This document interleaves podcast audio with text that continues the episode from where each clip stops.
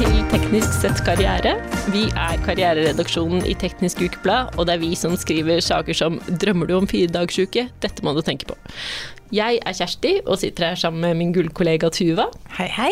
Vi har besøk av Berit Svendsen, selveste, som er leder for ski-VM i Trondheim i 2025. Inntil nylig leder i VIPS internasjonalt og tidligere konserndirektør i Telenor. Velkommen!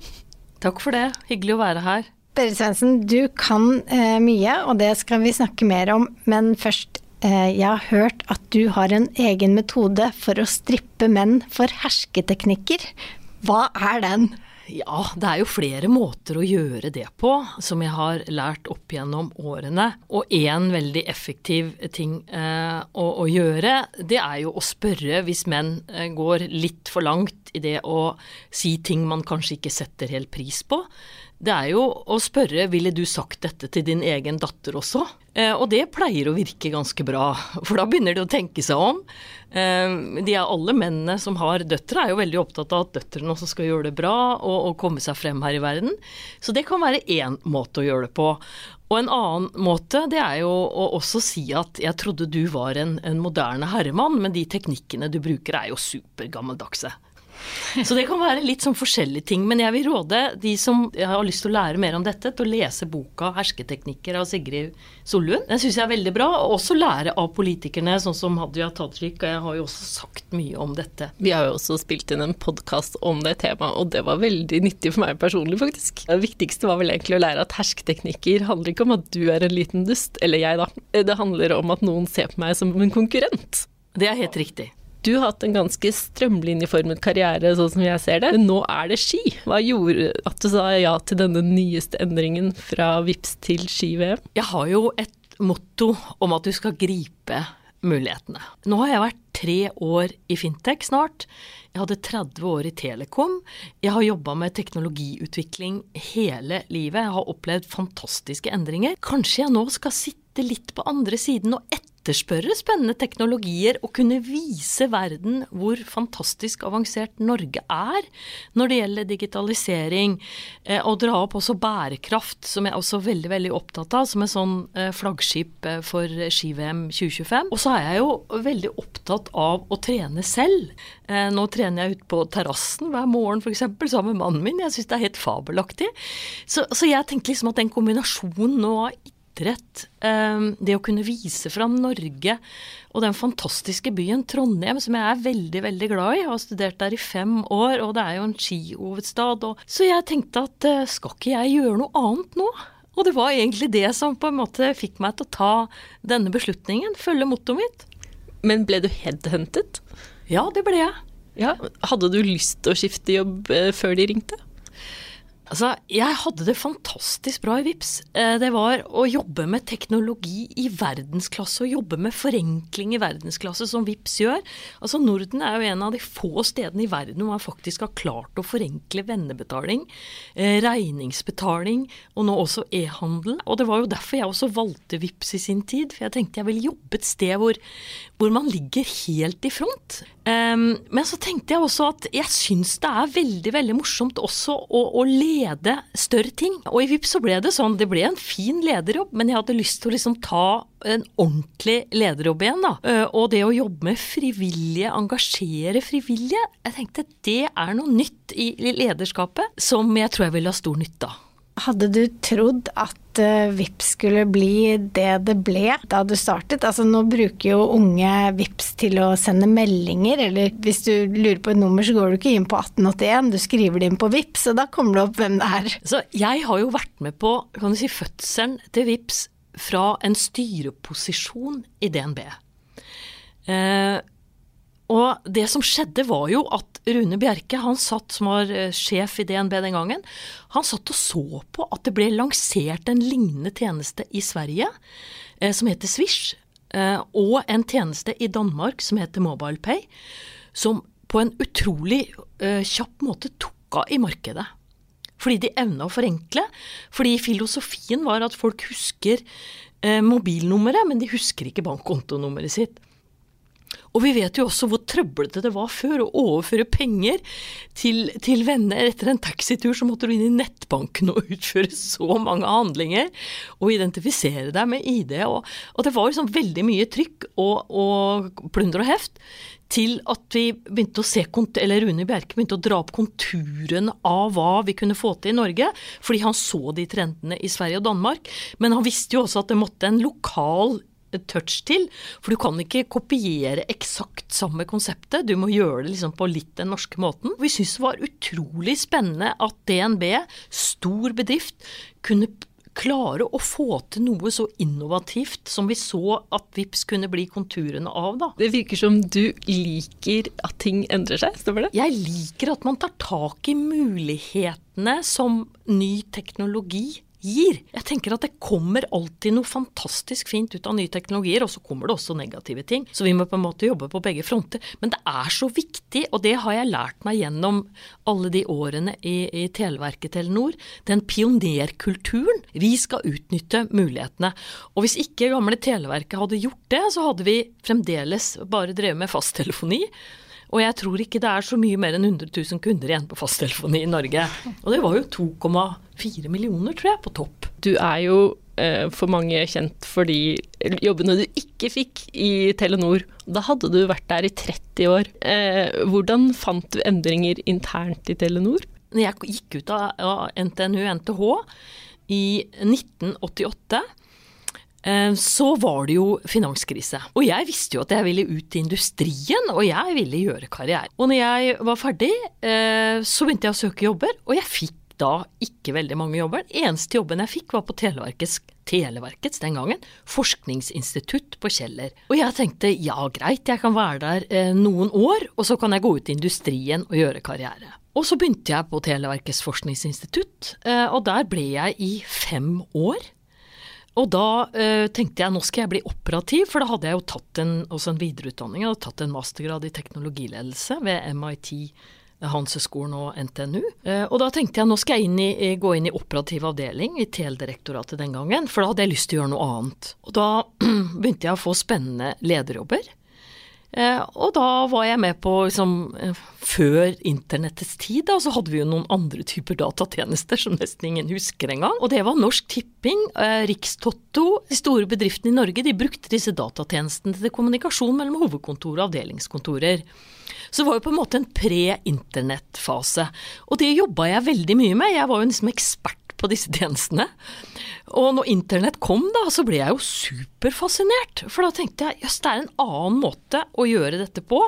Og da huska jeg jo hva jeg hadde lært på, på NTNU, NTH, for det var jo et appendix i Datakom-boka om hvordan man kunne tenke alternativt på datakommunikasjon. Og, og da, da, da, begynte jeg å se lyset. Jeg tenker det er dette som er fremtiden. Det er ikke det som eh, televerkene i Europa da jobba med, med, med datakommunikasjon.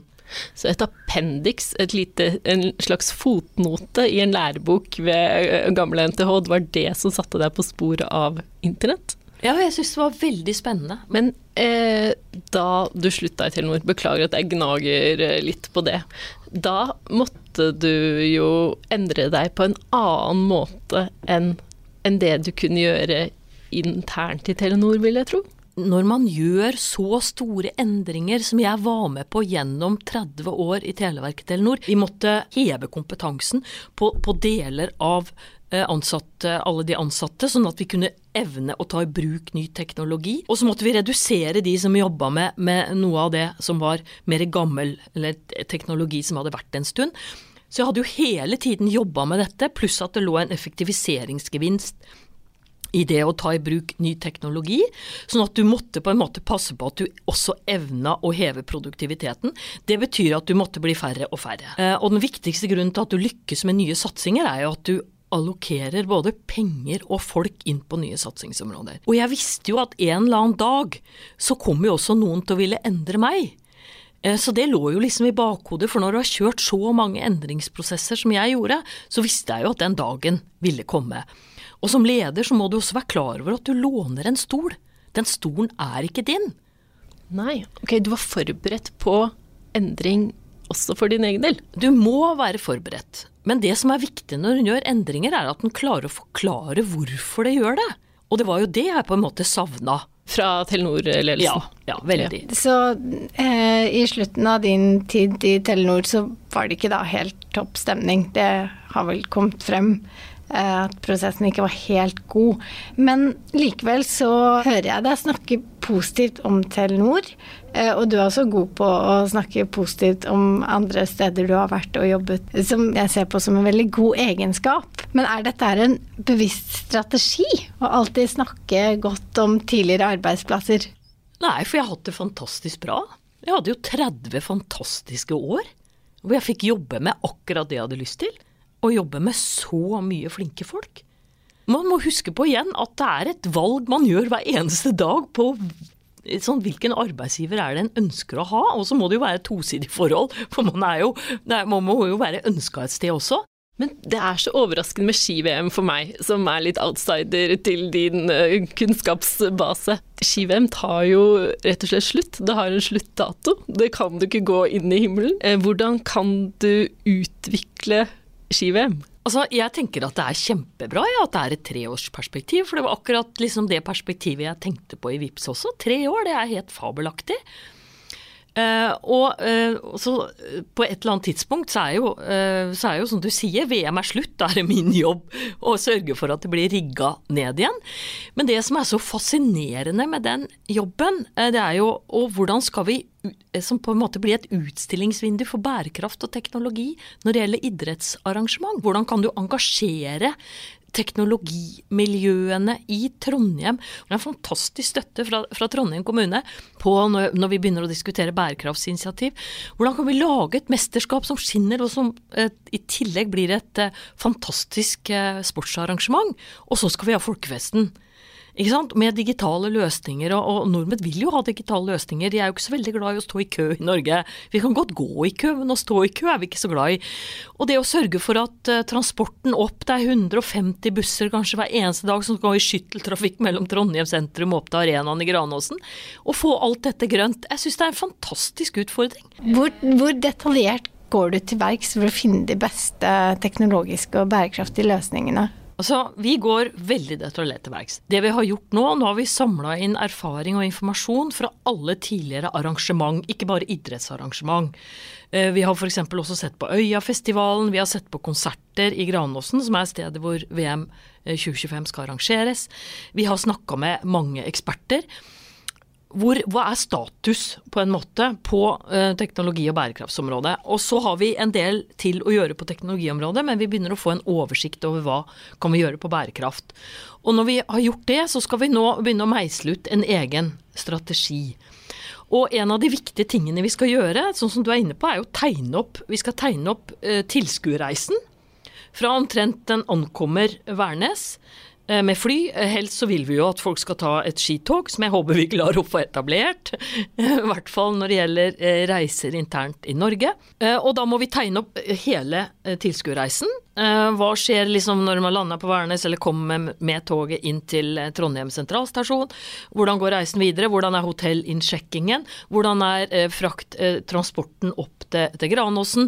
Hvordan skal det være mulig å handle på en enkel måte i Granåsen? Vi har jo verdens beste teknologiske løsninger for å gjøre handel med QR-koder, og, og, maten ligger klar når du kommer til disken, ikke sant. Er det sånn at du går nå hver dag og tenker åh, eh, på det punktet der hadde det vært kult å gjøre et eller annet teknologisk. Er du helt inne i det nå? Ja, da, jeg har i hvert fall begynt på når det gjelder bærekraft, så holder jeg på nå. Ja. ja. Teknologi så føler jeg at jeg har i hvert fall litt oversikt, i og med at jeg skjønte jo det uh, i sommer at uh, den teknologien som Vipps og BankID har, den er jo midt i blinken. Uh, for å være veldig detaljert, så er det eneste jeg ønsker meg til, det er en, en bank-ID som kan gis til utlendinger på midlertidig basis. Fordi altså, det er mye plunder og heft for å få en bank-ID i Norge. Mm. Eh, og kanskje også til enda yngre, sånn at det kan være litt mer sånn dynamisk. Og klarer vi å få til det, så klarer vi å få til veldig mange gode løsninger eh, for alle tilskuere, også utlendinger, som er på arenaen bærekraft er det nye. Du kan teknologien, og så kombinerer du med bærekraft. Er det bevisst for å utdanne deg selv? Altså, jeg drives jo av at jeg på en måte eh, evner å sette meg inn i nye områder og komme med en retning innenfor et område. Eh, og så trodde jeg faktisk at jeg kunne en del om eh, samfunnsansvar og bærekraft. Helt til jeg nå begynner å snakke med ekspertene, så tenker jeg å du verden. Her har jeg på en måte en vei å gå opp. Og det er det jeg tenker på nå om dagen. Hvordan skal jeg komme meg enda et hakk høyere på dette området? Um, sånn at jeg på en måte kan begynne å stille de riktige spørsmålene. Har du et konkret eksempel på akkurat det der, som du tenker oi, jøss, yes, er det det man må gjøre? Eh, byer er jo veldig viktig i det med bærekraft. Fordi byer, ikke sant, vi, vi bruker masse energi, og vi, vi, forurenser. Og det som jeg har tenkt eh, litt på, det er jo å si bruke digitale tvillinger. Og så ser vi hvordan eh, en del parametere endrer seg ved et påtrykk, avhengig av hvis du kjører la oss si de 150 bussene som kan kjøre opp og ned i Granåsen. Hvis det er dieselbusser, hvor mye forurenser vi? Kontra hvis dette er eh, grønne busser som kjører på, på mer på klimavennlige løsninger, hva blir da forurensningen? Og da får du opp et veldig visuelt bilde av hva vi kan gjøre. Jeg blir så spent på hva du skal gjøre med denne kunnskapen eh, etter 2025. Eh, har du noen tanker om det nå? Det er det jeg bekymrer meg minst om, for å si det sånn. Jeg er eh, i tillegg til at jeg har denne jobben, så er jeg styreleder i Vy. Og Vy er jo et selskap som evner å ta bærekraft på alvor. Fordi vi ønsker at mange flere skal ta offentlig kommunikasjon. Og offentlig kommunikasjon er mye mindre forurensende enn biltrafikken. Og dessverre, de siste eh, under pandemien, så ser vi at biltrafikken øker, og passasjerene forsvinner fra offentlig kommunikasjon. Så vi må snu den trenden igjen. Så jeg syns det er veldig, veldig spennende eh, med, med, tog og buss, og hvordan de jobber med bærekraft i Vy. Og det å prøve å få folk til å like Vy enda mer. Så, så det er, det er en, en, jobb jeg har på siden. Og så har jeg også en 10 %-stilling på BI, eh, hvor jeg er med og underviser. Spesielt har jeg undervist på fintech og telekom de siste årene. Det syns jeg er veldig givende. Og så har jeg noen andre styreverv, bl.a. i Elliptic Lab, eh, som jeg syns er veldig, veldig morsomt. Så jeg har en del ting um, som jeg gjør som gjør at uh, hverdagen min er fantastisk spennende. Så jeg er ikke bekymra for hva som skjer om tre år. Men et annet tema som uh, du også har vært innom, og ikke bare innom, du ledet Svendsen-utvalget for Forsvarsdepartementet. Og da skal du ha foreslått å rekruttere flere gamere inn i Forsvaret, bl.a. Og også at Forsvaret må rekruttere bredere. Cybersikkerhet og digital beredskap, det er jo et veldig viktig tema i dag. Frykter du digitaliseringens mørke side? Bekymrer du deg mye over dette her? Norge er et av verdens mest digitaliserte land. Og vi er, syns jeg, en av de flinkeste i verden på digitalisering. Jeg kan vel ikke si at vi er en av de flinkeste i verden på cyberforsvar. Og da tenker jeg ikke bare Forsvaret. Da tenker jeg også hva vi ser nesten ukentlig nå, at norske bedrifter blir angrepet. For vi er like sårbare som det, det mest sårbare punktet, for å si det sånn. Og totalt sett så uh, syns jeg vi ser et alarmerende bilde. Veldig mange eh, offentlige etater eh, har fått eh, beskjed fra Riksrevisjonen at de ikke er beredt nok på cyberangrep. Det dreier seg om strømforsyning, det dreier seg om vannkraften vår, det dreier seg om politiet. Jeg har jo selv erfaring etter Forsvaret. Jeg mener at Forsvaret ikke har god nok kompetanse Eh, for å uh, kunne på en måte være i stand til kompetansemessig å stå imot uh, cyberangrep på en fantastisk god måte. Og jeg ser også hvordan norske bedrifter blir angrepet. Og jeg tenker at vi er ikke beredt nok. Vi har ikke fått opp den diskusjonen vi trenger i Norge. For det første å øke kompetansen blant ledere. Sitter man som styremedlem, styreleder, så må man ha sikkerhet opp på agendaen jevnlig. Man må passe på at man har nok sikkerhetskompetanse. At man samarbeider med de riktige miljøene. At man vet om man har hull i eller infrastrukturen sin. Hvor ofte oppgraderer man, sånn at det ikke er kjente sikkerhetshull i infrastrukturen. Hvem jobber man sammen med? Hvor mange har man? Hvem rapporterer sikkerhetsdirektøren til? Eh, hvor mange angrep er man har årlig? Hvor mange avverger man? Er det mørketall? Dette må på bordet på styrenivå det må opp på ledelsesnivå, og det må utdannes mange mange flere innenfor dette området i USA, nei, i Norge. Når USA nå sier at de mangler folk på dette området, så kan du bare tenke deg hva vi gjør i Norge. Og jeg tenker, altså Nå er det blitt veldig fokus på, på helsevesenet, og det er veldig veldig bra. For vi ser også hva slags flaskehalser som kommer når vi utsettes for den type pandemi. Men et digitalt angrep på Norge på mange sektorer samtidig, da vil det raskt avdekkes at vi har faktisk ikke tilstrekkelig kompetanse eh, på dette området. Vi har ikke nok folk til å stå imot. Det syns jeg er bekymringsverdig. Hva gjør du om ski-VM 2025 blir hacket?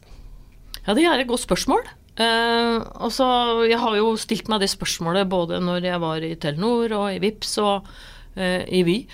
Så da Man må, må, jo sikre seg at man klarer å avverge disse angrepene. Da. Altså, alle blir jo angrepet. Mm. Det er heller et spørsmål om hvor fort klarer man å avverge angrepet og få det satt på et annet spor. Det er det store spørsmålet. Mm. Ja, det virker jo nesten Eller det er jo uunngåelig å ikke bli angrepet, som du sier. Hva, hva, tenker du selv over dine egne handlinger og data som deles? Jeg, jeg intervjuet en eh, som jobbet med cybersikkerhet i Forsvaret, og hun eh, sa det at hun hadde ti apper på mobilen, og det, bare det syntes hun var skummelt. Jeg slår alltid av den der eh, Jeg ønsker å sende deg varslinger på hvor du er og sted og alt det der. Eh, så har jeg tofaktorautentisering inn på sosiale medier. Jeg har vært hacka på LinkedIn. Hacka, det, som, det, er ikke akkurat hacking, men det er noen som har tatt ID-en min. Med å komme med et falskt pass på nettet som blir brukt inn på LinkedIn. Og til å presse folk for penger i Afrika. Jeg syns det var ekkelt. så jeg passer på at jeg har tofaktorautentisering på det aller meste av hva jeg driver med. Og da har jeg i hvert fall gjort det. Men jeg føler ikke at dette er sikkert. Jeg føler at det er altfor enkelt å gi seg ut for å være andre på mange steder.